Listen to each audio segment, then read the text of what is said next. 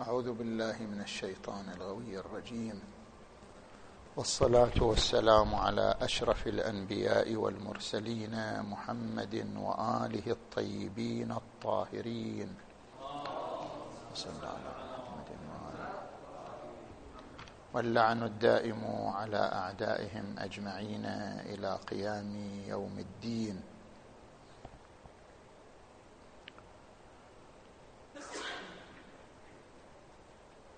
ما زال الكلام في مناقشة الاستدلال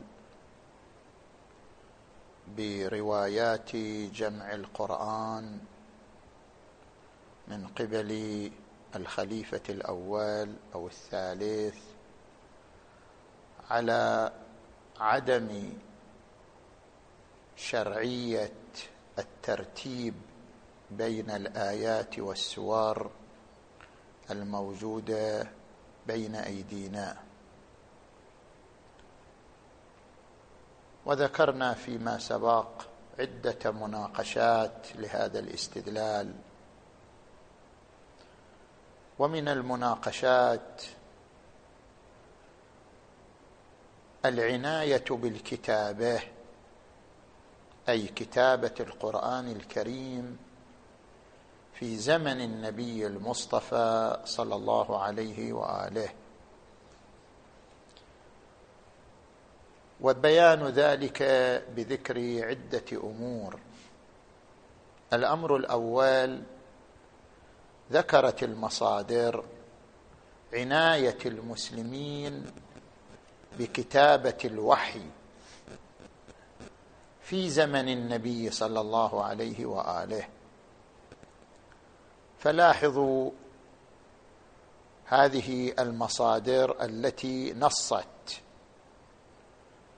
فقد ذكر في كتاب فتح الباري في شرح صحيح البخاري الجزء التاسع صفحة ثمانية عشر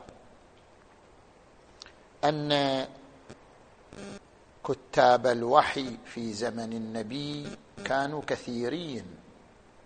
ومن أبرزهم الخلفاء الأربعة وأبي بن كعب وزيد بن ثابت والزبير بن العوام والمغيرة بن شعبة وشرحبيل بن حسنة وعبد الله بن رواحة.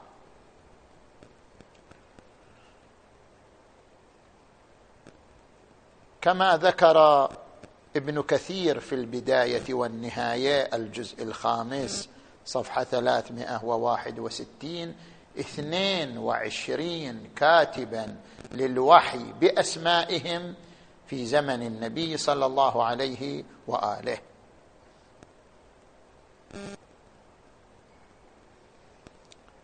وذكر صاحب السيرة الحلبية أبو الفرج الحلبي الشافعي في الجزء الثالث من السيرة الحلبية صفحة أربعمائة وسبعة وخمسين. أنهم اثنين وأربعين كاتب. أن الكتاب كتاب الوحي في زمن النبي اثنان وأربعون كاتبا.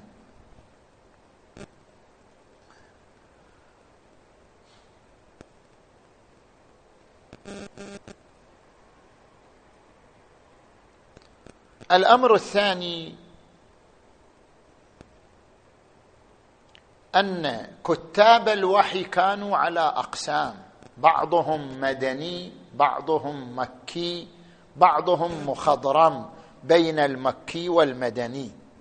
المستشرق بلاشير صنف حسب المصادر أخذ من طبقات ابن سعد والطبري والنووي والحلبي وقسم الكتاب إلى ما كان كاتبا مكيا أي كتب ما حصل في مكة المكرمة من القرآن الكريم وقسم منهم مدني وهو كتابة ما نزل من الوحي في المدينة وقسم منهم من المخضرمين. مما يكشف عن أن كتابة الوحي لم تقتصر على زمان المدينة ولم تقتصر على زمان ما بعد انتصار النبي وظهور أمره واستقرار دولته بل أن الكتابه سبقت ذلك بزمان أي منذ زمان مكة كان هناك كتاب للوحي آه، من قبل النبي صلى الله عليه وآله. بل ينقل كتاب البرهان أن كتاب الوحي كانوا ينسخون نسختين. أي كانوا يكتبون نسخة للنبي ونسخة لأنفسهم. يعني يسلمون نسخة من الكتابه للنبي صلى الله عليه وآله ونسخة يحتفظون بها لأنفسهم. فتلاحظ ما ذكره في كتاب البرهان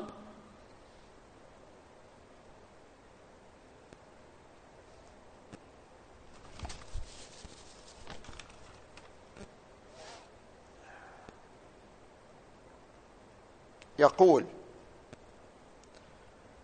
وينقل أيضا عن فتح الباري وكانوا يضعون ما يكتبونه في بيت النبي صلى الله عليه وآله ثم يكتبون لأنفسهم منه منه صورا أخرى يحفظونها لديهم. مما يدل على أنه كان هناك توثيق لا مجرد كتابة الوحي للنبي بل كانوا أيضا يكتبون لأنفسهم حتى تشيع هذه الكتابات على طبق ما كتبوه للنبي صلى الله عليه وآله.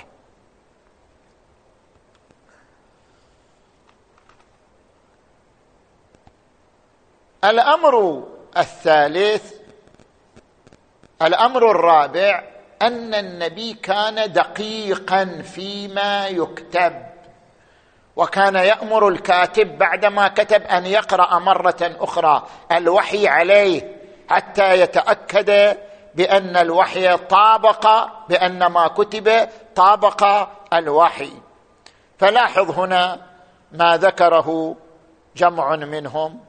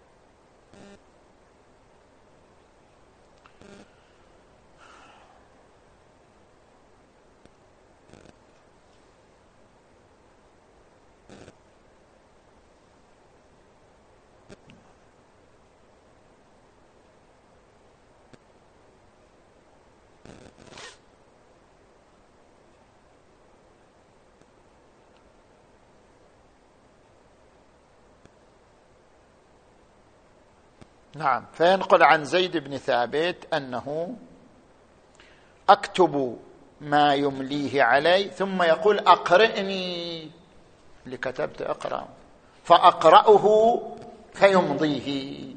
نعم. زين. الأمر الخامس أن هذه الكتابات انتشرت في عصر النبي. إذا كان الكتبة 22 أو 42 أو ما هو أكثر من ذلك أن هذه الكتابات انتشرت في عصر النبي وهي لها دلالة التزامية على أن ما كتب من القرآن في عصر النبي المصطفى كان امرا شائعا ولم يكن امرا مخفيا. أي لم يكن في دائرة خاصة كدائرة النبي وأهل بيته بل كان امرا شائعا واضحا بين المسلمين أن هناك كتابات للوحي من مجموعة معينة كانوا يرجع يرجعون إليهم فيما كتب من الوحي. فإن قل قد دلت الروايات على أن من جمع القرآن ستة أو أربعة. زيد بن ثابت أبي بن كعب ابن مسعود غيرهم. كيف نجمع بين كون كتبة الوحي 42 وبين أن من جمع القرآن ستة أو أربعة؟ لا منافاة بين اللسانين. كتابة الوحي بمعنى توثيق ما ينزل. كل ما ينزل من الوحي على النبي يقوم النبي بإملائه وكتابته وتوثيقه. أما الجمع فهو عبارة عن تأليف مصحف يجمع جميع ما كتب من قبل النبي صلى الله عليه وآله أو من قبل هؤلاء الكتبة. فلا منافاة بين حصر روايات الجمع في ستة وبين دلالة هذه الروايات على أن كتابة الوحي كانت بين اثنين وعشرين أو أكثر من أربعين. النتيجة من هذا من هذه المناقشة أنه مقتضى هذه الروايات أن القرآن كان معلوم الكتابة في زمن النبي المصطفى صلى الله عليه وآله. بل أن نفس هذه الروايات التي قالت أن القرآن جمعه ستة أو جمعه أربعة هي دالة بالالتزام على أن هناك قرآن مكتوب وهؤلاء قاموا بجمعه على طبق ما هو المكتوب. إذ لو لم يكن هناك قرآن مكتوب واضح لما صح من هؤلاء الخمسة أو الستة جمعه. فنفس هذه الروايات الدالة على أن الذي جمع القرآن أربعة أو خمسة هي بنفسها دالة على وجود قرآن مكتوب واضح بين المسلمين. قام هؤلاء بجمعه في مصحف وهم أربعة أو خمسة. زين. النتيجة. بعد دلالة هذه الروايات على أن القرآن كان مكتوبا.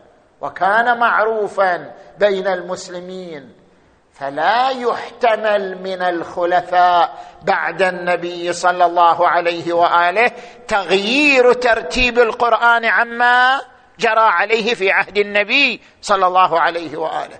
إذا كان مكتوبان شائعان واضحان لا يحتمل مع قرب العهد أن يحصل منهم تغيير لترتيب القرآن الكريم عما كتب في عهد النبي صلى الله عليه وآله من دون نكير ومن دون اعتراض. ولم نسمع ولم يرد في الروايات اعتراض من قبل الصحابة أو المسلمين على الخليفة الأول أو الخليفة الثالث أنك غيرت ترتيب القرآن أو غيرت نهج القرآن أو غيرت ما حصل من النبي صلى الله عليه وآله في كتابة القرآن وجمعه. هذه هي مناقشة الروايات التي استدل بها على عدم شرعية الترتيب. ونحن ما زلنا في إطار أدلة نفي شرعية الترتيب. الدليل الثالث من الأدلة على نفي شرعية الترتيب ما ذكره السيد صاحب الميزان قدس سره في الجزء الثاني عشر صفحة 119 فما بعدها. وهو الاستناد إلى روايات مصحف أمير المؤمنين علي عليه السلام حيث أفاد إن ظاهر هذه الروايات عدم إمضاء الإمام علي عليه السلام للمصحف الذي خضع لجمع الخليفة الأول فمن بعده وأن لدى الإمام أمير المؤمنين علي عليه السلام مصحفا مغايرا ولا أقل من المحتمل جدا أن يكون المصحف الذي بين يدي الإمام أمير المؤمنين مختلفا من حيث الترتيب إن لم يكن مختلفا من جهة أخرى. من أجل بيان هذا الاستدلال نذكر أمرين. الأمر الأول عرض الروايات التي دلت على وجود هذا المصحف مصحف أمير المؤمنين علي عليه السلام.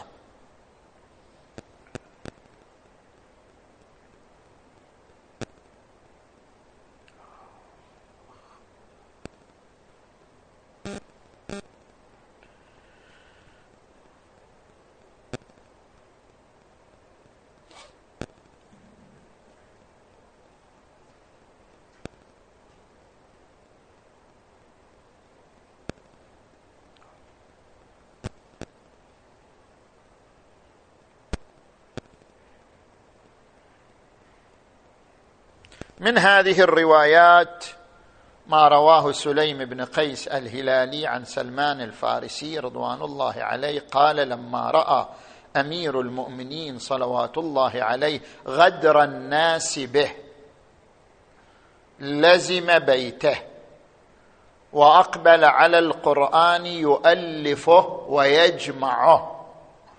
وظاهره أن القرآن لم يكن مجموعا لذلك تصدى لتأليفه وجمعه. وروى عنه قال آلى على نفسه. يعني الإمام علي آلى على نفسه.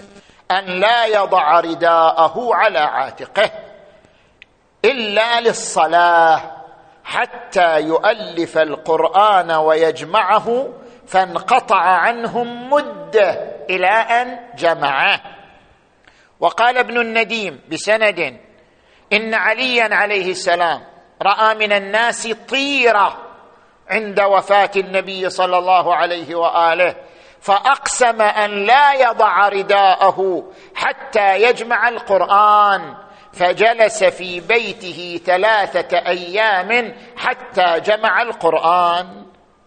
وعن الامام الباقر عليه السلام قال ما من احد من الناس يقول إنه جمع القرآن كله كما أنزل كما أنزل إلا كذاب. وما جمعه وما حفظه كما أنزله الله إلا علي بن أبي طالب عليه السلام. وعنه عليه السلام قال ما نزلت آية على رسول الله صلى الله عليه وآله. هذا كلام أمير المؤمنين. ما نزلت آية على رسول الله صلى الله عليه وآله إلا أقرأنيها وأملاها علي فأكتبها بخطي وعلمني تأويلها وتفسيرها وناسخها ومنسوخها ومحكمها ومتشابهها. ودعا الله لي أن يعلمني فهمها وحفظها. فما نسيت آية من كتاب الله. ولا علما مو بس القرآن كل معلومات الرسول عندي. ولا علما أملاه علي فكتبته. يعني كل المعلومات أنا أيضا كتبتها. ولا علما أملاه علي فكتبته. منذ دعا لي ما دعا. زين. ويؤيد هذه الروايات الشريفة وهي أن الإمام علي هو الذي تصدى لجمع القرآن الكريم. روايات ظاهرها أن النبي أمره بذلك. صلى الله عليه وآله. فلاحظوا هذه الرواية الشريفة. ما رواه علي بن إبراهيم بسنده إلى أبي بكر الحضرمي عن أبي عبد الله عليه السلام قال إن رسول الله صلى الله عليه وآله قال لعلي عليه السلام القرآن خلف فراشي. القرآن خلف فراشي في الصحف والحرير والقراطيس فخذوه واجمعوه ولا تضيعوه كما ضيع اليهود التوراة. وظاهر هذه الرواية أن القرآن لم يكن شنو؟ مجموعا وأن النبي أمر الإمام عليا عليه السلام بجمعه وعدم تضييعه. والرواية الأخرى ما رواه أبو رافع من أن النبي صلى الله عليه وآله في مرضه الذي توفي فيه. قال لعلي عليه السلام يا علي هذا كتاب الله خذه إليك. فجمعه علي في ثوب. يعني في عهد الرسول لما؟ في قماش. وأخذ. فجمعه علي في ثوب ومضى إلى منزله خلاه بمنزله. فلما قبض النبي صلى الله عليه وآله جلس علي عليه السلام فألفه فألفه كما أنزله الله وكان به عالما. يعني مو بس تنزيل تأويل وتفسير وإلى آخره. زين. فيقال إذن؟ يعني هذا هذا الأمر الأول وهو عرض الروايات. الأمر الثاني إن ظاهر هذه الروايات والتي هي روايات عديدة اختلاف المصحف الذي كتبه الإمام أمير المؤمنين عليه السلام عن المصاحف التي كانت بين أيدي الناس. وإلا لو كان هو هو لما كان هناك موجب إلى أن يجلس في بيته ويقسم أن لا يضع رداءه على عاتقه حتى يجمع القرآن. فإن ظاهر هذه الرواية أن القرآن والمصحف الذي بيده وقد تصدى لجمعه قطعا مختلف عن المصحف الذي بين أيدي الناس. ولو من حيث الترتيب وإلا لم يكن هناك وجه للتصدي لجمعه من قبله صلوات الله وسلامه عليه. هذا هو وجه الاستدلال. هنا مناقشات ثلاث. المناقشة الأولى ظاهر الروايات السابقة التي هي أكثر وأوفر ربما بلغت حد التواتر أن القرآن كتب على عهد النبي صلى الله عليه وآله. ومقتضى كونه مكتوبا إذا تجاوزنا روايات الجمع وأن من جمعه على عهد الرسول أربعة أو ستة مقتضى كونه مكتوبا أن هناك قرانا معهود من حيث الترتيب ومن حيث اللافظ لا زيادة ولا نقص كان معهودا بين المسلمين. هذا واضح من تلك الروايات. وبالنتيجة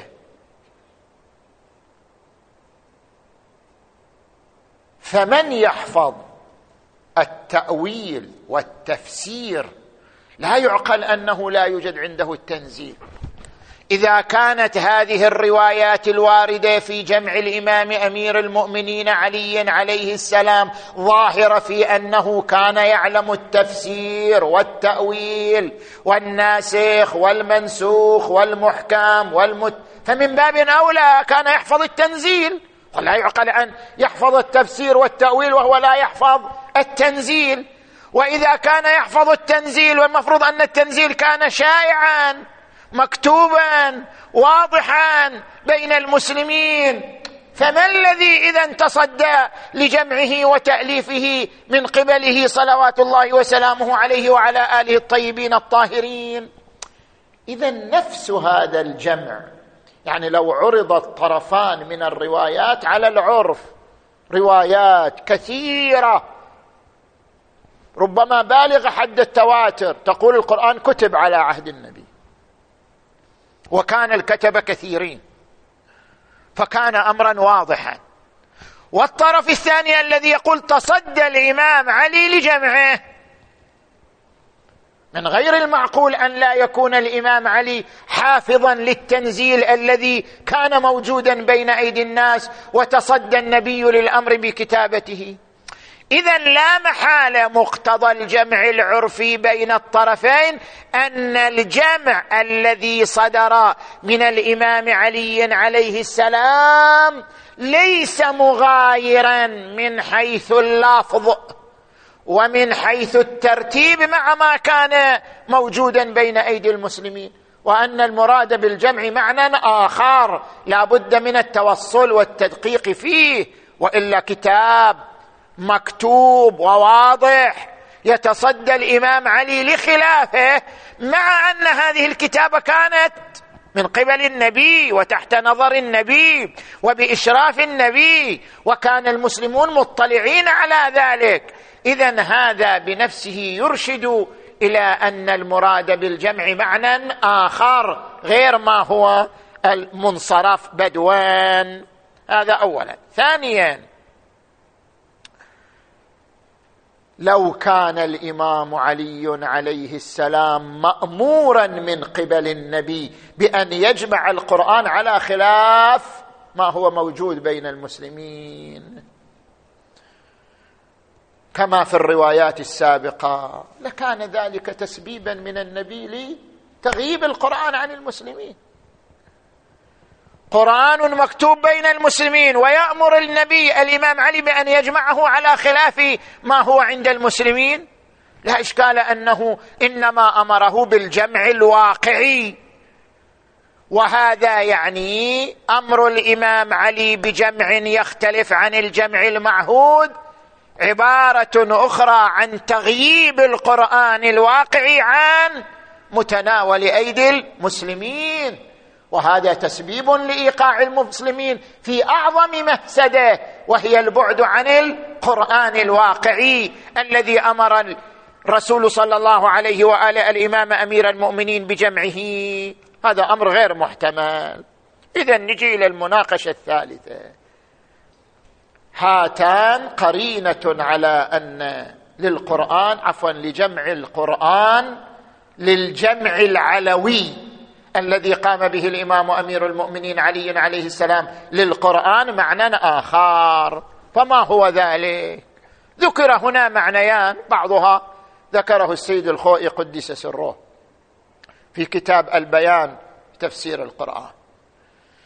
المعنى الأول أن المراد بالجمع الجمع بالتفسير والتأويل.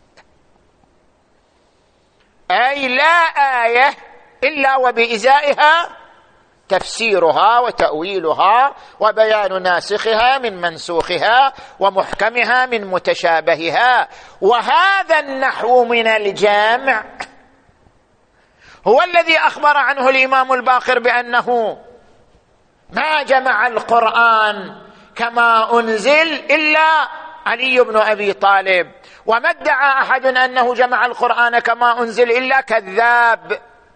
لأنه بالنتيجة عندما تنزل الآية لا ينزل فقط تنزيلها بل ينزل أيضا تفسيرها وتأويلها وبيان كونها ناسخا منسوخا إلى غير ذلك من أوصاف الآية المباركة. فالمنظور هو التفسير والتأويل. ولذلك قال ما من آية في القرآن إلا أقرأنيها رسول الله وعلمني تفسيرها وتأويلها وناسخها ومنسوخها إلى غير ذلك من الروايات الشريفة. المعنى الثاني أن يقال لا ظاهر الروايات أنه جمع القرآن لا أنه جمع القرآن جمع تفسير القرآن أو جمع تأويل جمع القرآن. وظاهر التعبير بأنه جمع القرآن وألف القرآن. أن القرآن لم يكن مجموعا فجمعه. وهذا ظاهر بعض الروايات القرآن خلف فراشي في الصحف والحرير والقراطيس. فاجمعوه وألفوه ولا تضيعوه.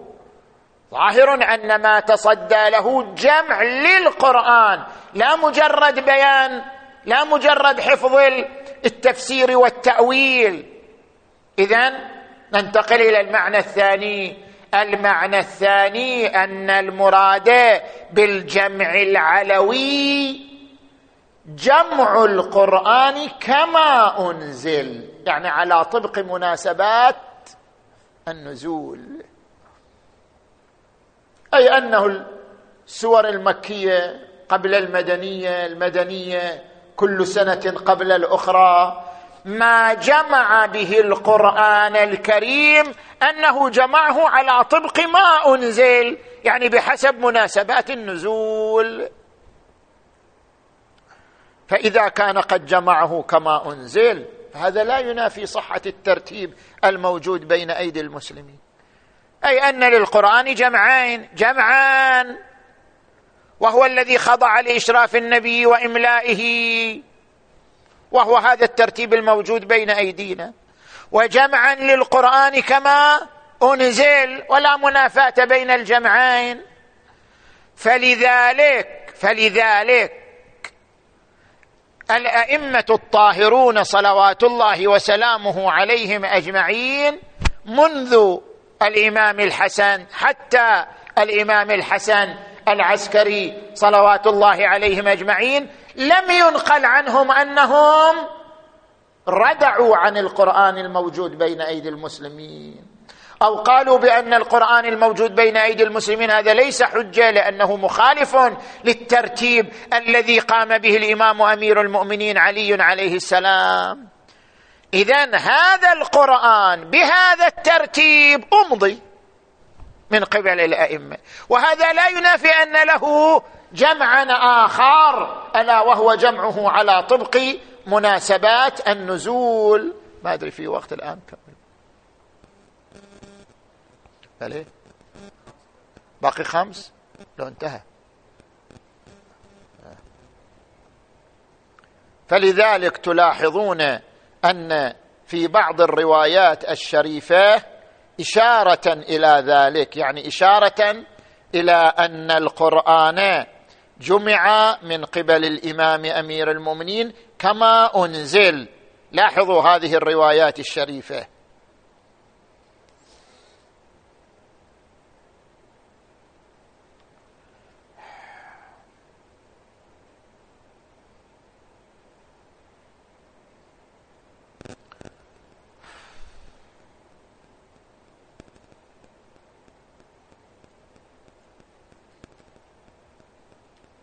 نعم.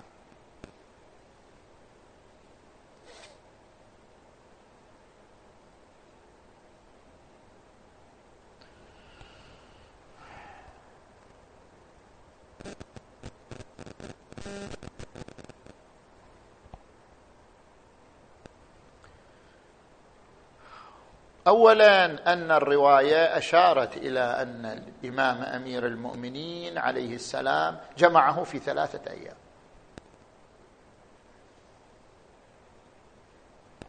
ومقتضى العادة أن الكتاب الذي يجمع في ثلاثة أيام فقط أنه كتاب معهود. وواضح من حيث الترتيب من حيث المصادر. لذلك لم يستغرق جمعه أكثر من ثلاثة أيام. جمع القرآن في ثلاثة أيام. هذا بنفسه شاهد على أن القرآن كان واضحا. من حيث الترتيب والكتابة ومن حيث عدم الزيادة والنقصان. لذلك لم يستغرق جمعه أكثر من ثلاثة أيام. وثانيا قول الإمام علي عليه السلام في احتجاجه على جماعة من الأنصار والمهاجرين ومنهم طلحة بن عبد الله.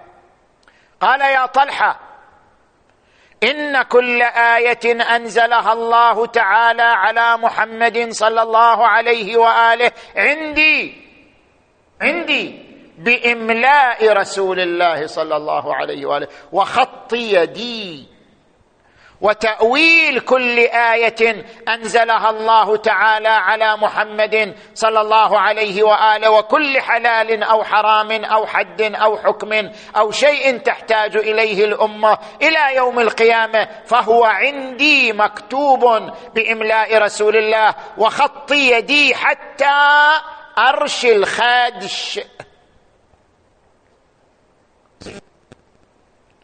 ثم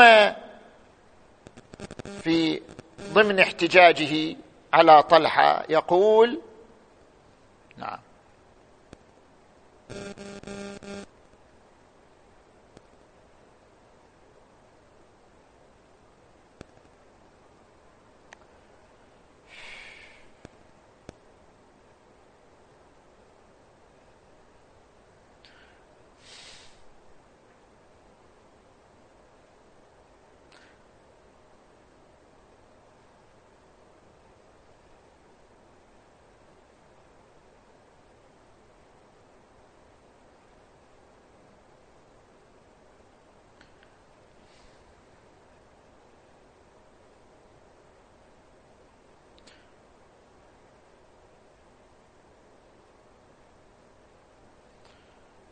هذه الرواية غابت عني. مليه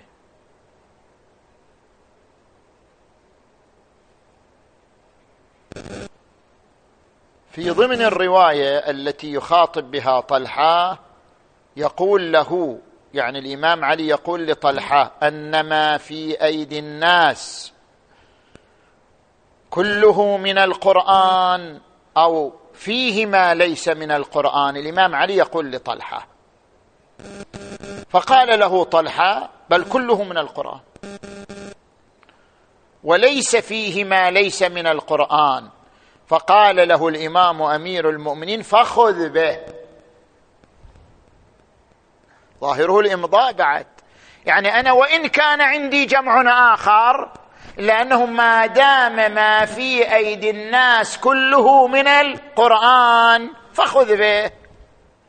فاحتفظ بالقرآن الذي عنده.